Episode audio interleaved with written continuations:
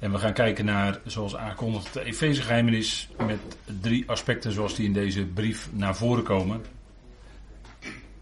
En dat zullen we in de besprekingen, en we weten natuurlijk niet hoe ver we komen, maar in de besprekingen zullen we dat wel weer tegenkomen.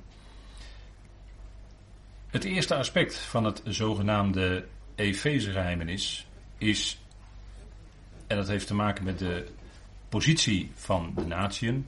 Dat is een belangrijk punt in de Efezebrief. De positie van de natieën ten opzichte van Israël. De geestelijke plaats. Dat is wat Paulus samenvat in Efeze 3, vers 6.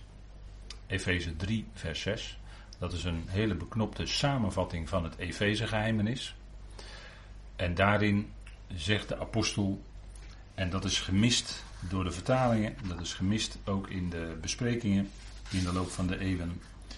Maar dan zegt Paulus dat in de geest de natieën gezamenlijk lotgenieters zijn en een gezamenlijk lichaam en gezamenlijk deelhebbers van de belofte in Christus Jezus door het evangelie waarvan ik dienaar werd. Dat is een samenvatting van het Efezegeheim. die drie aspecten, die alle drie met gezamenlijk dus worden ingeluid, dat is het Griekse woordje sun. Dat betekent een hele nauwe verbondenheid met. En dat is een bijzonderheid, want dat maakt duidelijk dat nu de geestelijke plaats, dat is belangrijk, de geestelijke plaats van de natie, en dan de gelovigen uit de natie, op gelijke hoogte is met de gelovigen uit Israël.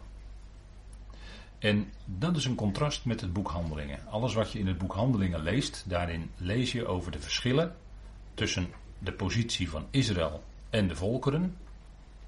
Maar dat is dan ook de plaats in het vlees. In het vlees.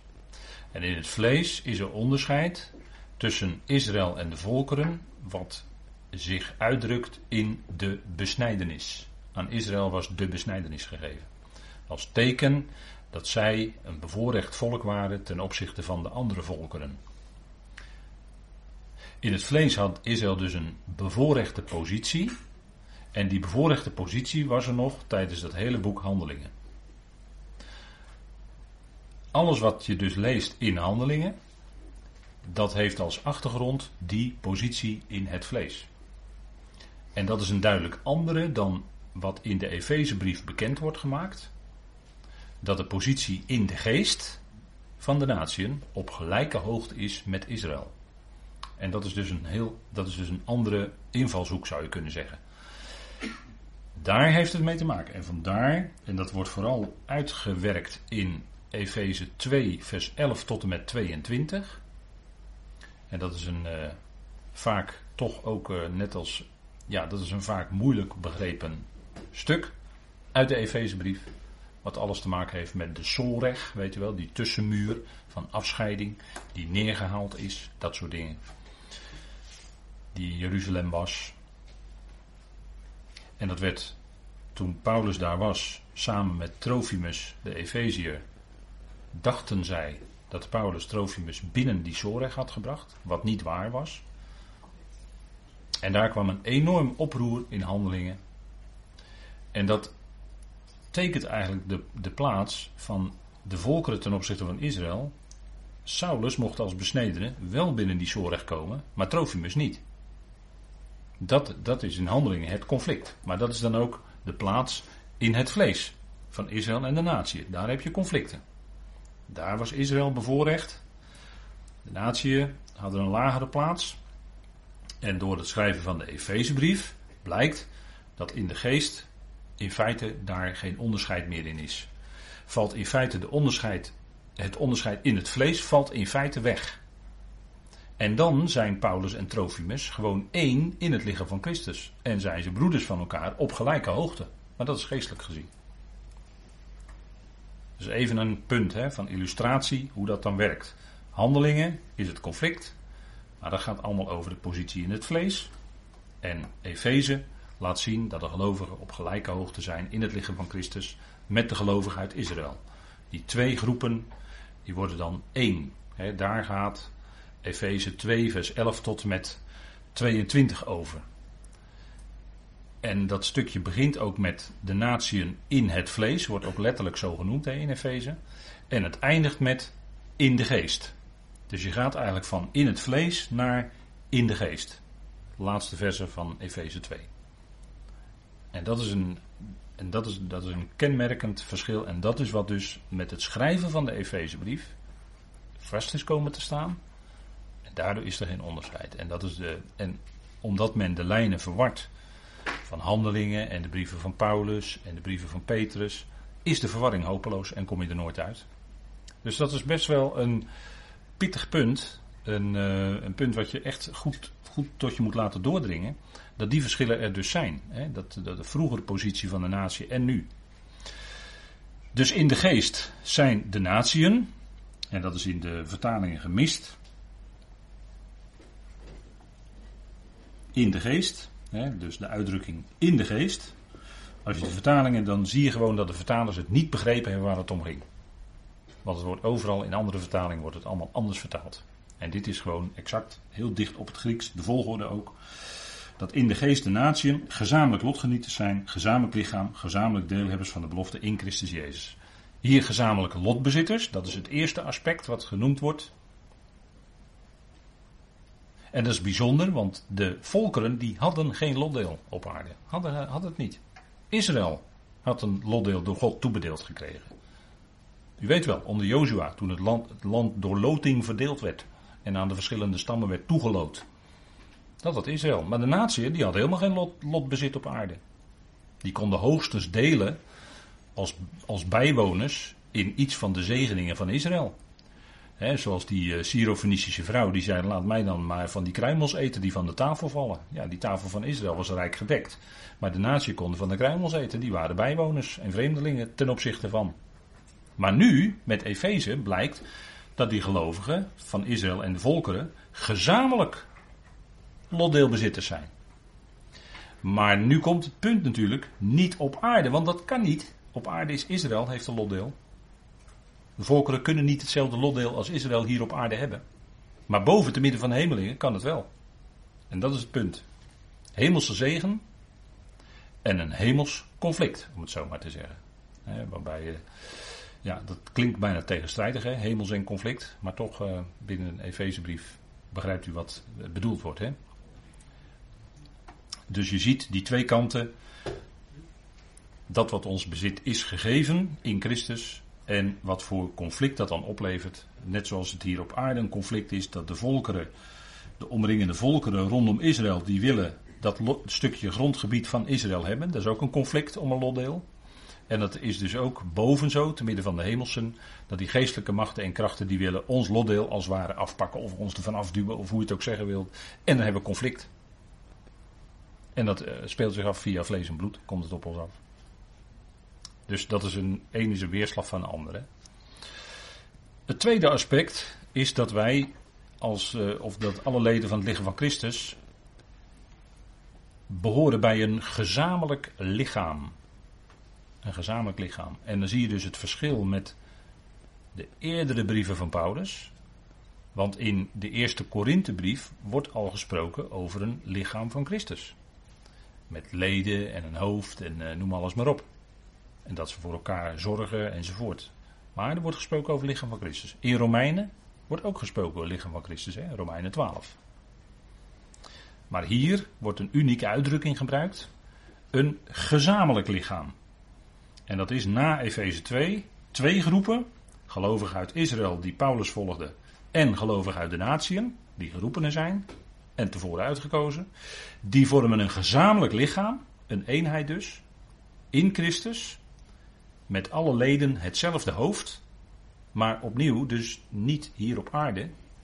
Ja, dat is nu wel, wij zijn nog op aarde, maar dat is eigenlijk ook boven. Het lichaam van Christus heeft een bediening boven. Leden in Christus, geestelijk bezit, hè, tot en met 2 vers 10. En dan in de Heer, dus de wandel, het hoofd. Hè, hoe, een bekende, hè, bekende vraag is, hoe ga je dan daarmee om in de praktijk? Nou, Paulus laat dat zien in dat deel van Efeze 5 eh, tot en met 6. Hè, hoe dat dan in het dagelijks leven, in de dagelijkse praktijk zich uitwerkt in, en wat is dan het hoofdwoord? Het werkt zich uit in Onderschikking. Onderschikking. Dat is het hoofdwoord van, hè, dat hebben we gezien in Colossense ook. Hè. Dat, is de, dat is de rode draad, zeg maar, ook in dat gedeelte. Onderschikking. Onder, we onderschikken ons aan het hoofd. En bij gelegenheid waar Paulus dat aangeeft, onderschikken we ons. Uitwerking van ons geestelijk bezit. De leden in Christus met een geweldige status. En hier op aarde, zolang we hier nog zijn, onderschikking. En dat is ook waar we de hemelse macht en krachten toe brengen. Te onderschikken aan het hoofd Christus. Dat is onze bediening in de toekomende eonen. Nogmaals, niet hier op aarde, maar boven. En dan het derde aspect van het Efeze geheimenis. En dat is dat wij gezamenlijk, dat in de geest de natieën zijn, gezamenlijk deelhebbers, gezamenlijk deelhebbers van de belofte. Maar dan niet van de belofte in Jezus Christus, maar van de belofte in Christus Jezus. De beloften van die hemelse bediening, van de hemelse toekomst. Een nieuwe mensheid die God schept. Een nieuwe mensheid, nu al in Christus. En de gelovigen horen daarbij. En dat bewerkt een verandering. Hè, er wordt hier gezegd ongelovigen, nieuwe mensheid. Nou, hoe ziet dat er dan uit? Hè? Die verandering, dat niet langer wandelen zoals de natie wandelen, maar enzovoort. Hè, gaat Paulus verder. Dus het enorme contrast ten opzichte van die oude situatie. Gezamenlijk deelhebbers van de belofte in Christus Jezus. Die belofte die is gegarandeerd. Hè? God zelf heeft daarvoor de garantie afgegeven. Als hij belooft, dan doet hij het ook. Dat is het geweldige van God. Gods woord, dat is altijd vast en dat is zeker. Al wat hij belooft, zal hij ook doen. Een woorddaad, hè, zoals uh, Martin Boelber vertaalde, woorddaad in het Duits. Dabar. Als hij spreekt, dan spreekt hij een woord, maar dan gebeurt er ook iets en dat woord zal in vervulling gaan. Dat woord zal werkelijkheid worden. Dat woord zal ook tastbaar vervuld worden. Kan duizenden jaren duren, kan tienduizenden jaren duren, maar het zal vervuld worden. ook als Gods plan van eonen voorbij is, dan nog heeft dat woord een geweldige kracht. En zal, zal getoond worden dat het woord van God gesproken heeft, dat het ook na de eonen nog zijn zeggingskracht heeft en dat het daarin alles tot vervulling komt. dus dat woord van God is niet zomaar wat, maar dat is heel bijzonder, dat is heel kostbaar. Zo opent eh, de inleiding op de Concordant Literal New Testament ook. God's word is the mankind's most precious possession. Gods woord is het meest kostbare bezit van ons als mensen. Dat is toch eh, heel wat wat we dan hebben. Hè? Dat is iets uh, bijzonders. Gezamenlijk deelhebbers van de belofte in Christus Jezus. Hè, dus dat is, dan ben je echt een hele grote stap verder hoor. Dat is een heel bijzonder, heel bijzonder wat, wat, wat daarin bekendgemaakt wordt. Dat is dat moeilijke stuk, wat ik net al zei, vers 11 tot en met 22 van hoofdstuk 2. Wat, uh, wat in de uitleg zo vaak verkeerd begrepen wordt, dat blijkt als het uitgelegd wordt dan blijkt men dat men altijd iets laat liggen of net een ander accent geeft wat het niet moet hebben en, enzovoort enzovoort. Dat is gewoon een heel moeilijk stuk. En daardoor wordt ook niet goed begrepen wat de plaats, positie, toekomst is van de gemeente, het lichaam van Christus. En dat komt juist in Efeze zo sterk naar voren. Dat is echt de sleutelbrief, dat is ook de top, eigenlijk het top van alles wat God onthulde, dat is Efeze. Dat staat bovenaan. En ja, dan bevind je je toch op een, uh, een heel ander gebeuren, in een heel ander gebeuren dan, dan uh, de rest van de schrift, wat in feite allemaal voorbereidend was. Het kan ook, Efezebrief kan natuurlijk niet zonder de schrift. Nee, de schrift is een eenheid, een geweldige eenheid. Over meer dan 1600 jaar periode geschreven door allerlei schrijvers. En misschien nog wel langere periode dan 1600 hoor. Maar dat is wat standaard gezegd wordt. Maar waarschijnlijk is het nog wel over meerdere duizenden jaren. Maar al die stukjes van de schrift die horen allemaal bij elkaar en die vormen een geweldige organische eenheid. En binnen die schrift worden allerlei onderscheiden aangebracht door God zelf. En die onderscheiden die volgen. Die volgen we. Daar moet je op letten. Waarom zegt God in het ene gedeelte het zus en waarom zegt hij het in een ander gedeelte anders? Daar moet je op letten. Ook op de details. Juist op de details moet je vaak letten. En dat is eh, ook hier belangrijk door het woordje sun hier goed te vertalen komt ook die waarheid naar voren. Hè? Drie keer het woordje sun, dat is een heel klein woordje in het Grieks. Of het woordje in, dat is maar twee letters, ook in het Grieks. Maar dat is zo ontzettend belangrijk. Dat je dat ook goed vertaalt, dat je het ook goed meeneemt. En dat je ook die verschillen laat zien. De voorzettels die, die moet je niet skippen. Maar die moet je goed, zo goed mogelijk aangeven waar dat kan. Dat is enorm belangrijk. Hè? God heeft niet voor niets gesproken over katalasso bijvoorbeeld, hè? verzoening en apokatalasso. Hè? Dat is niet voor niks, dat onderscheid. Maar dat is echt uh, wezenlijk als je kijkt binnen welke tekstverbanden dat gebruikt wordt. En dan wordt het ook duidelijk. Hè? Dat, uh, en dat blijven we altijd, van tijd tot tijd hoort u me dat zeggen. Een tekst moet je altijd bekijken in zijn tekstverband, in zijn context waar het in staat. Want losse teksten, die kun je op een gegeven moment alles laten zeggen wat jij wil. Maar eh, lees je het en bestudeer het vanuit het tekstverband, dan kan je geen kant op. Dan zie je, dan zie je de waarheid van het woord, hoe het zit. Dat is altijd ongelooflijk belangrijk. Hier zitten we dus, als we praten over deelhebbers, gezamenlijk deelhebbers, zitten dus binnen de context van die hele Efezebrief. En dan zit je op een ander niveau dan bijvoorbeeld Romeinen of Korinthe. Dat moet je ook goed meenemen. Er zijn verschillende, daar zit een opbouw in die brieven. Dus dat zijn kort gezegd even de drie aspecten van het geheimenis van de Efezebrief. En het geheimenis van de Efezebrief heeft dus alles te maken met die hemelse bediening, die hemelse toekomst van het lichaam van Christus. Of met een volzin gezegd, het hemelse aspect van het geheimenis van Christus. Dat Christus ook de Heer en het hoofd is van alle hemelse machten en krachten. Daar gaat de Efezebrief sterk over. En de gemeente, het lichaam van Christus, speelt daarin een ongelooflijk belangrijke rol, om het zo maar te zeggen. Het woord rol vind ik eigenlijk niet leuk. Omdat bij, bij rollen denk ik altijd aan een toneelspel, aan maskers. Hè. U weet persoon, hè? Persoon is eigenlijk niet zo'n mooi woord. Want uh, een persona is eigenlijk een masker. Dat is iemand die gemaskerd is. Dus die speelt iets anders dan in werkelijkheid. En dat zien we dus heel vaak op het wereldtoneel binnen de politiek. Daar speelt men een bepaalde rol, heeft men een masker op. En in werkelijkheid gelooft men iets heel anders dan wat men in het openbaar publiek zegt. Dat zijn politici. Of zeg ik nou wat geks? In de, in de verkiezingentijd beloven ze je allerlei dingen en dan weten ze al dat ze tijdens de regeringsperiode het niet kunnen waarmaken. Dan ben je toch met twee verschillende dingen bezig. Je belooft allemaal geweldige dingen aan de mensen. Terwijl je al weet van ja, maar nee, we gaan bij elkaar met allerlei partijen en dan moeten we compromissen sluiten. We kunnen niet helemaal dat halen, niet helemaal dat halen. Dat zijn politici, zo gaat dat in de praktijk. En dan praten we nog niet over de rol van het geld binnen dat geheel. Dat politici allerlei belangen hebben en dan blijkt er allerlei belangenverstrengeling te zijn. Daar praten we dan nog niet over. maar dat speelt met name vandaag de dag een hele belangrijke rol. Geld. Geld is macht in deze wereld. En dat is ook precies wat openbaring zegt. Babylon, Babylon, dat is een verpersoonlijking van de macht.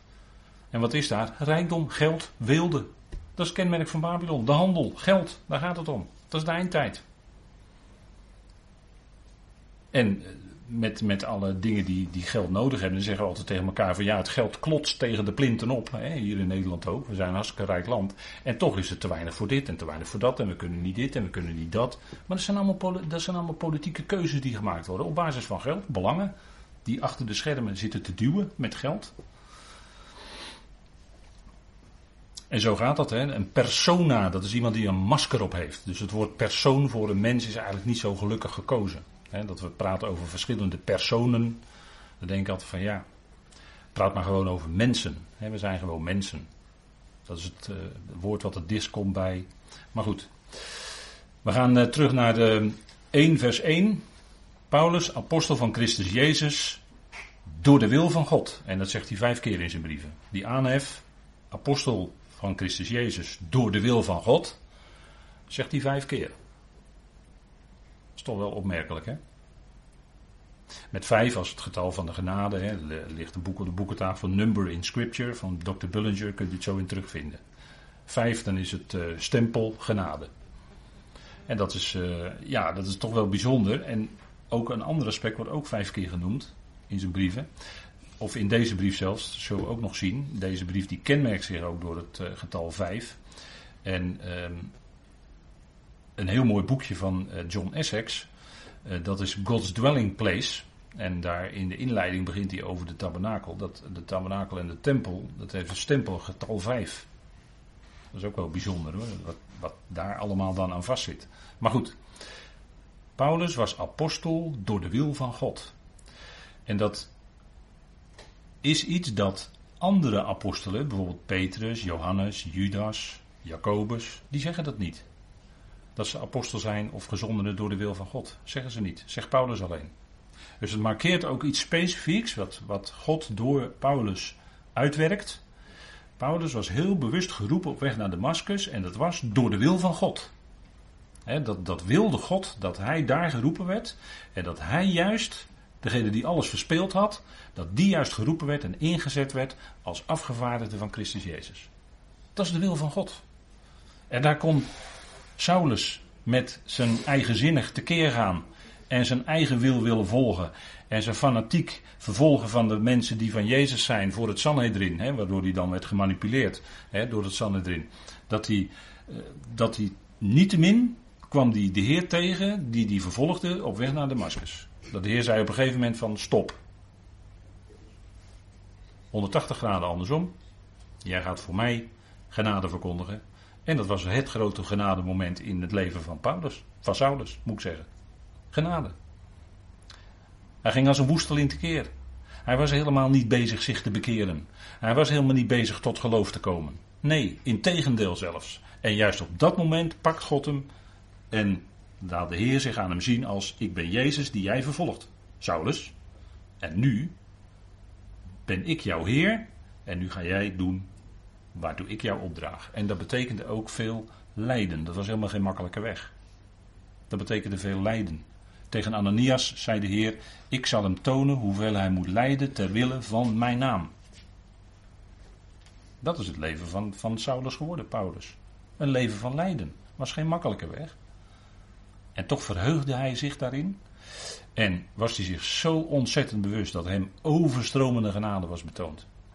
Hij die alles had verspeeld. En dan ben je precies juist het toonbeeld waarin God kan laten zien: kijk, dat is nou mijn genade. Degene die er het minste aanspraak op kon maken van iedereen, qua eigen werken, dat was Saulus. En die werd geroepen. En notabene ingezet als apostel. Hoe meer genade wil je dan nog hebben? Dat is toch ongelooflijk? Nou, zo zijn u en ik ook gered. En misschien heeft u zich er wel eens verwonderd in de loop van de tijd, in de licht van Gods woord. Dat u ook in het licht van Gods woord uzelf leerde kennen in uw oude mens zijn. Dat u zich er misschien wel over heeft verwonderd. Ik? Geroepen? Uh, gelovigen? Mag ik daarbij horen? Hoe is het mogelijk? Hoe is het mogelijk? Dat, dat is, en dan kom je tot steeds dieper besef. Hè, in de loop van de jaren kom je tot steeds dieper besef. Dat het echt genade is. Dat echt niks van jezelf bij is. Dat jij niet op weg was om. Dat jij niet zo'n beste brave weet ik wat was. En toch geroepen. Ja, toch geroepen. Dat is nou genade. Dat is nou die liefde van God. Zo gaat God met mensen om. Hij houdt van die mens. En als je dat bewust bent geworden. En, en, Paulus was het zich als geen ander bewust. Ja, daar, daar spreekt hij over, daar sprak hij over. En, en dat ging, hè, dat, dat, daar zet, dat is een hele leven ging daar, daar in, zich voor inzetten. Apostel van Christus Jezus door de wil van God. Hij kon niet aan die wil ontsnappen. Hij kon niet aan die wil ontsnappen. Zoals de Heer Jezus dat ook niet deed. Niet mijn wil. En zo heb je er meer gehad in de schrift. Jona. Jona, ga naar Nineveh. Maar Jona was een enfant terrible, die ging precies de andere kant op. En er beschikt God allerlei omstandigheden. En uiteindelijk, waar komt Jona terecht? Toch in Nineveh, hè? Hij ging toch spreken en ze, keerden zich om. En er zit Jona te mopperen onder die boom. Van ja, ik wist wel dat u zo barmhartig bent. En ze hebben ze allemaal en u verwoest die stad niet. Dat was Jona. Dat was Jona. Die kon het maar eigenlijk een beetje moeilijk hebben. Dat God al die Ninevieten lief had. Want dat, dat klonk natuurlijk toch wel een beetje door die geschiedenis heen. Hè? En ik vind dat altijd heel mooi, zulke geschiedenis. Van, daar herken je jezelf ook zo in. Dat je. Nee, God gebruikt je toch ondanks alles, God gebruikt je toch, net als Saulus. En dan op veel, veel minder, veel, veel minder, maar gebruik je dan toch net als Saulus. Oké, ga dat maar doen. Dat is mijn wil. En, en vanuit je eigen mens zijn, vanuit je eigen vlees, wil je dat niet. En dan gaat God toch zijn weg met je. En dan doet hij het ook in je. Want dat is God, hè? zo doet hij dat. Door de wil van God. Dat is Gods telemma, met het Griekse, bekende Griekse woord. Hè? Gods telemma. Wat God wil, gaat ook gebeuren. Als God heeft gesproken, ik ben de redder van alle mensen, of ik wil dat alle mensen gered worden. Ja, dan kan je natuurlijk heel lang tegen te hoop lopen, maar dan gaat het natuurlijk een keer gebeuren. En dat gaat ook gebeuren. Gaat ook blijken. De wil van God wordt ook vijf keer genoemd in deze brief. Dat is die uh, vingerwijzing van God. als we naar elkaar uh, wijzen, dat is wat anders natuurlijk. Nee, God wijst. Dat is ook het woord uh, waar, waar, het woord Torah, onderwijzing van afkomstig is. Hè. De wijzing. de wijzing van God. Torah. God wijst die kant op, die kant op, die kant op. Nou, Jona zei nog eventjes de andere kant op, maar ging toch uiteindelijk toch die kant op. Maar dat heeft ook alles te maken, dit plaatje kwam ik tegen, vond ik wel aardig gezegd. God's master plan. Dus uh, Gods plan van eonen. Gods meesterplan. Hè? Hij heeft het bedacht en hij werkt het ook helemaal uit. De wil van God. En dat is toch wel bijzonder, want hier zie je in deze brief die, weer die speciale toevoegingen. Er wordt gesproken, maar liefst in één hoofdstuk, over het welbehagen van zijn wil. Er wordt gesproken over het geheimenis van zijn wil. En er wordt ook iets gezegd over de raad van zijn wil. En in hoofdstuk 6, vers 6 over het doen van Gods wil. De wil van God van harte te doen in de praktijk. Daar heeft Paulus het ook over. Paulus was geen theoreticus hoor. Als je dat beweert, dan moet je die brieven nog maar eens goed gaan lezen. Het doen van de wil van God, hè, dat is toch vijf keer die wil van God die heel nadrukkelijk in deze brief naar voren komt.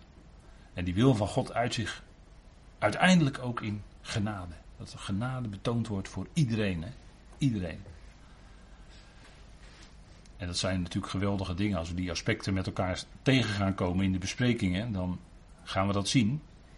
Maar dat heeft alles te maken met onze plaats ook als lichaam van Christus. Die, die aspecten van die wil van God. God wijst in ons leven. Jo, die kant op.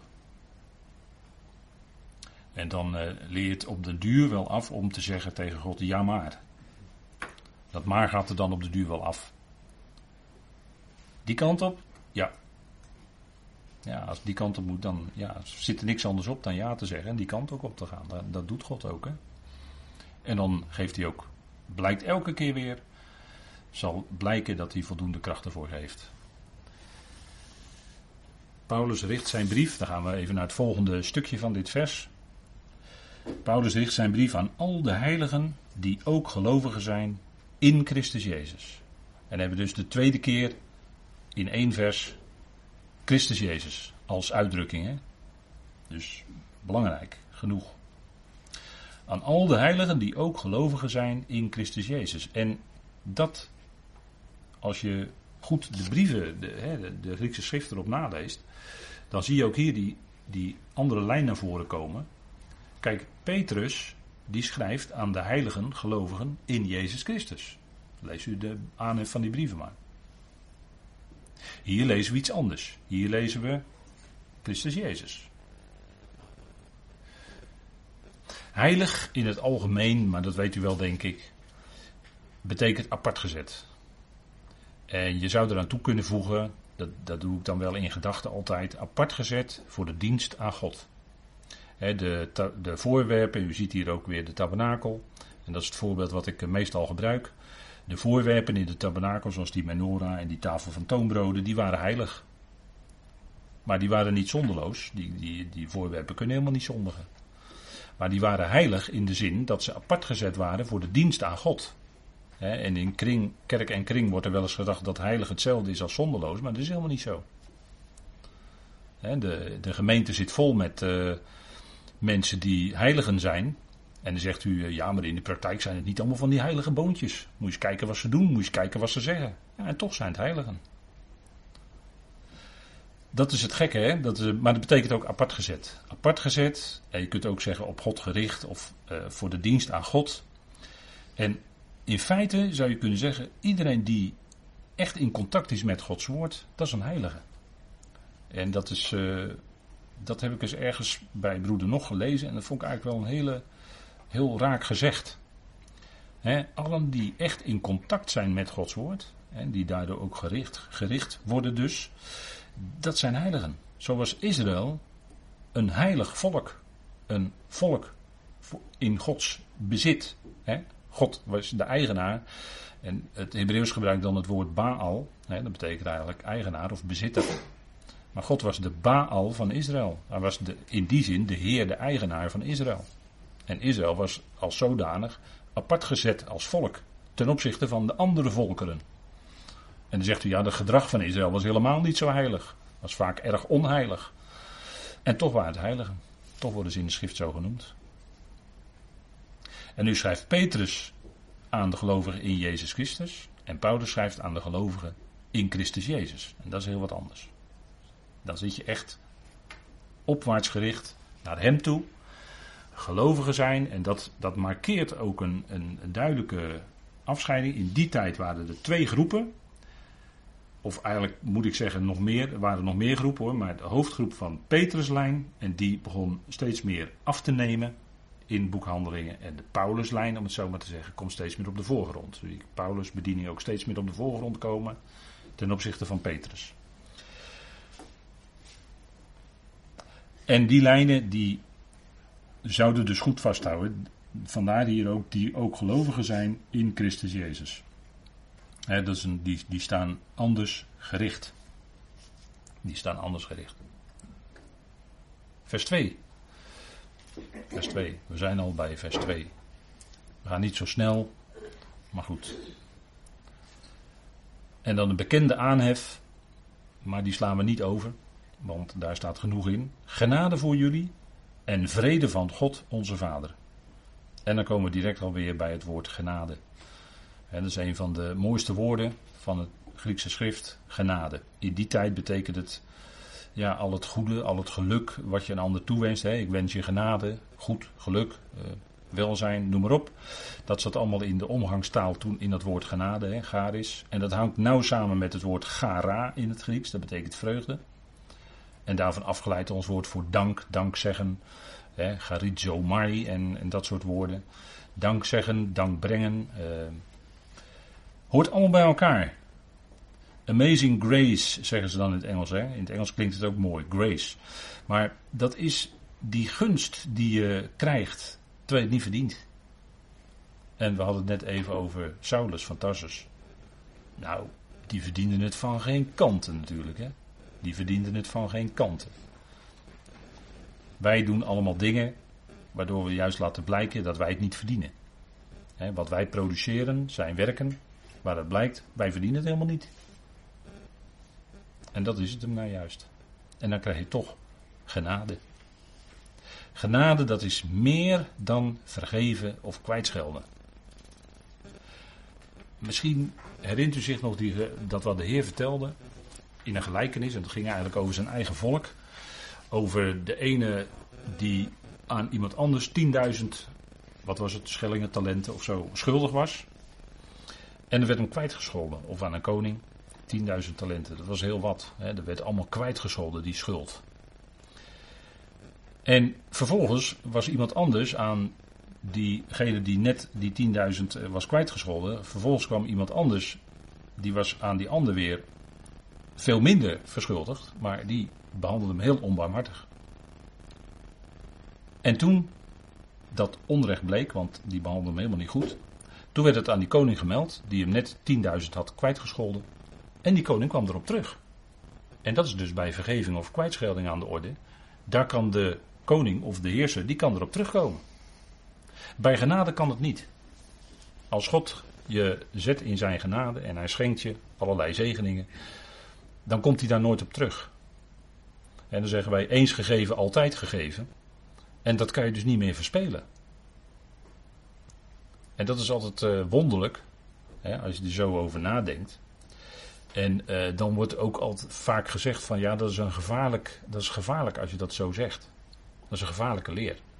En dan denkt men, ja nou, als je het niet kan verspelen, nou ga dan allemaal maar je gang maar.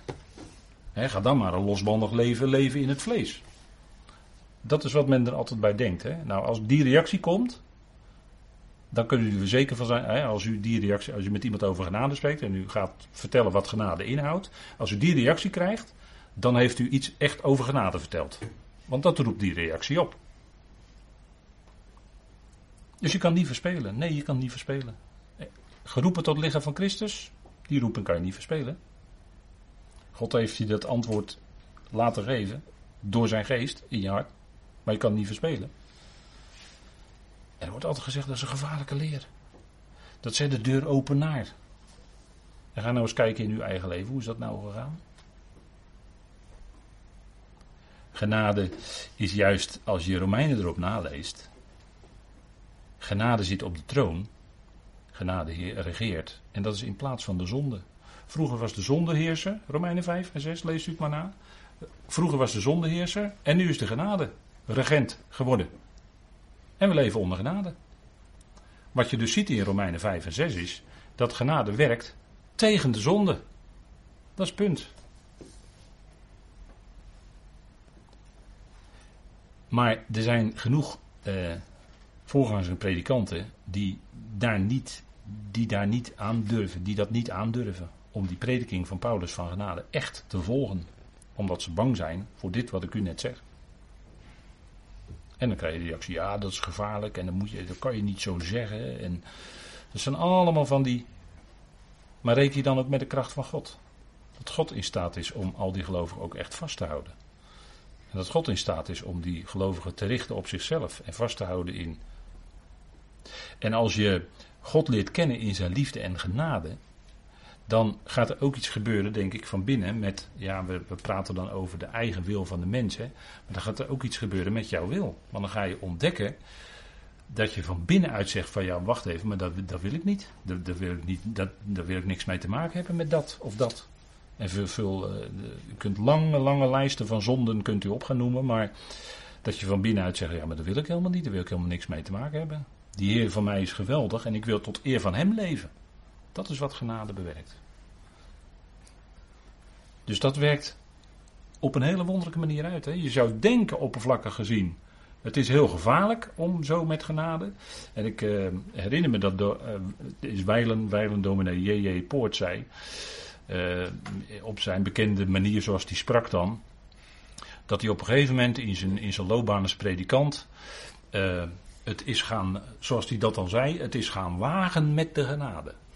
Dus hij heeft, het, hij heeft het aangedurfd om met die genadeprediking op een gegeven moment echt te komen. En dat, zo, zo benoemde hij dat. Hè. En dat vond ik eigenlijk wel mooi. Dat denk van ja, kijk, zo'n uh, zo'n zo'n predikant die komt dan in de loop van de tijd tot de ontdekking dat het uiteindelijk toch allemaal op die genade van God aankomt.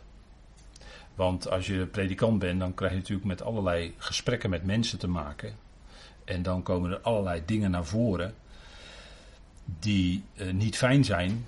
En uh, ja, dan ga je denk ik wel ontdekken, ja, God redt. Ja, dat kan niet anders dan genade zijn. Dat kan niet anders dan genade zijn. Hè, dat is. Uh,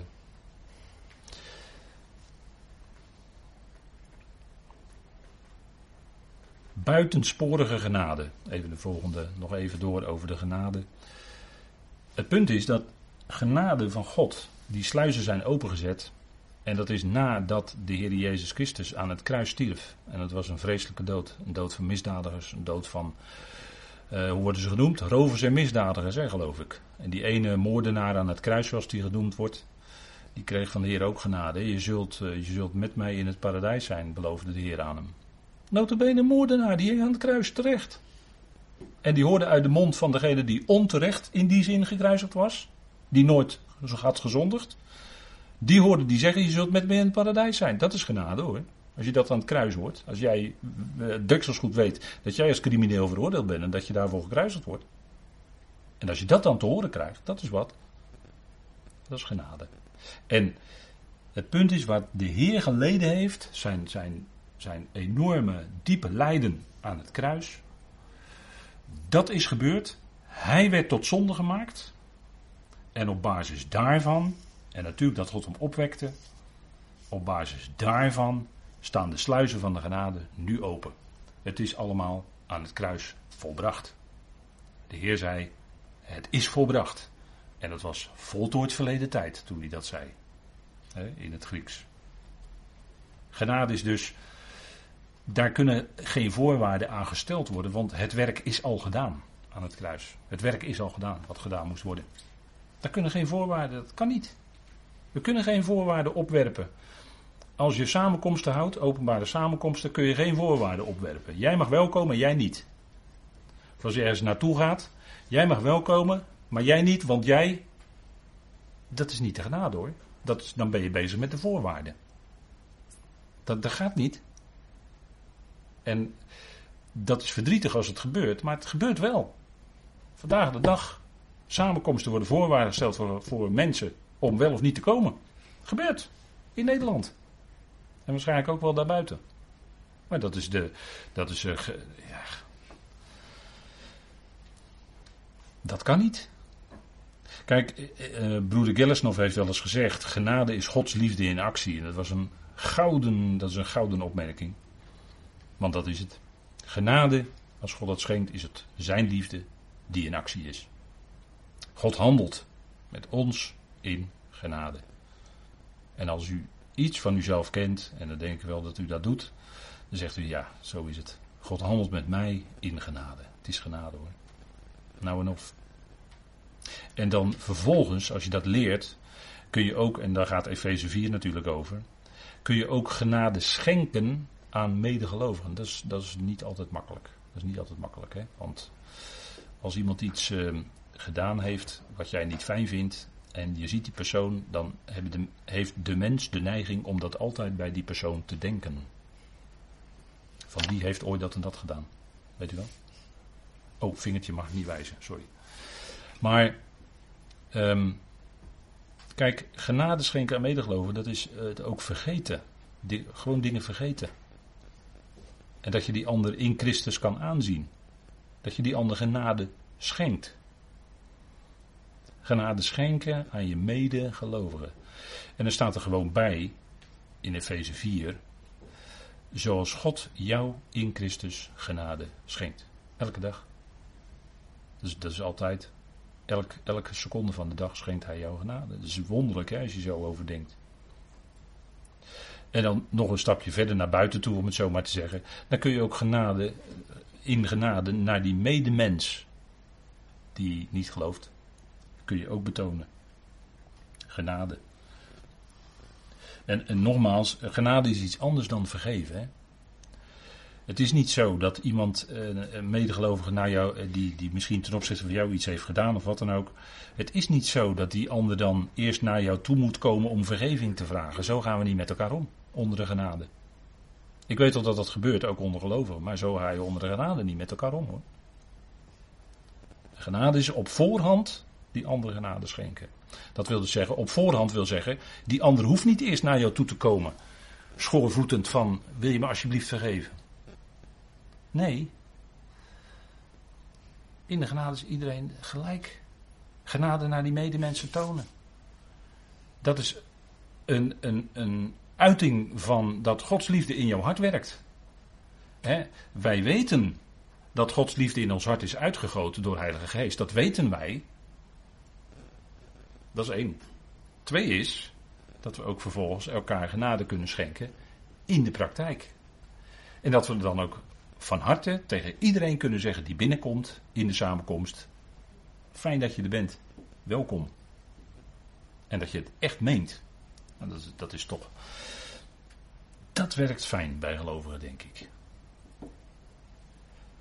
En ook naar die medemensen toe. Want ik denk als jij je anders opstelt in genade naar die medemens, die medemens die merkt dat heus wel hoor. Die merkt dat heus wel. Die kijken ook heel scherp, hè, ongelovigen kijken heel scherp naar gelovigen. Wat ze doen en laten, weten precies aan te wijzen waar ze inconsequent zijn. En waar ze, enzovoort. Een betoon genade naar die medemensen. Dat is, uh, denk ik, toch iets wat. En dan eindigen we met vrede. Dat is natuurlijk de bekende groet in het Midden-Oosten. Shalom of salam of uh, salam. Uh, hoe zeggen ze dat? Salam aleikum. Ik weet niet eens precies wat dat betekent hoor. Salam aleikum zeggen ze altijd tegen elkaar. Maar dat uh, klinkt een beetje dat shalom-achtige in door. Hè? Shalom, welzijn. Hè, dat wens je elkaar in. Dat is een hele beleefdheidsgroet in het Midden-Oosten en Israël. En of ze komen de bus binnen en dan zeggen ze Boker Tof. Maar dat is, dat is geloof ik weer wat anders. Hè? Goedemorgen betekent dat geloof ik. Boker Tof, zei die gids altijd toen hij de bus kwam. S ochtends. En dan gingen we weer. Maar shalom, welzijn, dat is wat, wat, je, wat men in het Midden-Oosten elkaar wenst. Hè? Al het goede, al het welzijn. Maar het punt is, bij, kijk bij Paulus, dan zitten we weer in de context van zijn brief. Bij Paulus is vrede gebaseerd op het kruis. Bij Paulus is vrede gebaseerd op het werk van onze Heer Jezus Christus. Zijn verzoening aan het kruis. Daar is die vrede op gebaseerd waarmee hij zijn brieven begint. Genade en vrede voor jullie. Want die vrede komt van God, onze Vader. Dus komt van boven. In je leven, naar beneden. En dat, die vrede met God, hè, gebaseerd op zijn werk aan het kruis, vrede met God. Vrede met God, verzoend met God. Dat is iets geweldigs hoor. Dat is dat er niets is tussen God en jou. Van jou uit kan er wel eens iets tussen zitten, maar van God uit niet. Van God uit niet. Voor jouw idee of voor jouw gevoel of voor jouw beleving of hoe je het ook zeggen wilt, kan er wel eens iets tussen jou en God zitten, maar van God uit niet hoor. Van God uit zit er niets tussen hem en jou. Het is vrede. Altijd. Je bent verzoend. God heeft je met zich verzoend. En die vijandschap is dus weg. God, is, God houdt van de mens. God is geen vijand van de mens. Maar God houdt van die mensen. Van ieder mens. Nu. Vrede. Ik denk dat het eh, fijn is om daar dan vandaag mee te eindigen. Zullen we de Heer danken daarvoor? Vader, we danken u dat we weer een moment stil konden staan bij de woorden uit uw woord. We danken u voor die bijzondere Efezebrief, waarin zoveel rijkdom naar voren komt. Vader, en als we er even over nadenken met elkaar, dan is het al geweldig rijk en veel.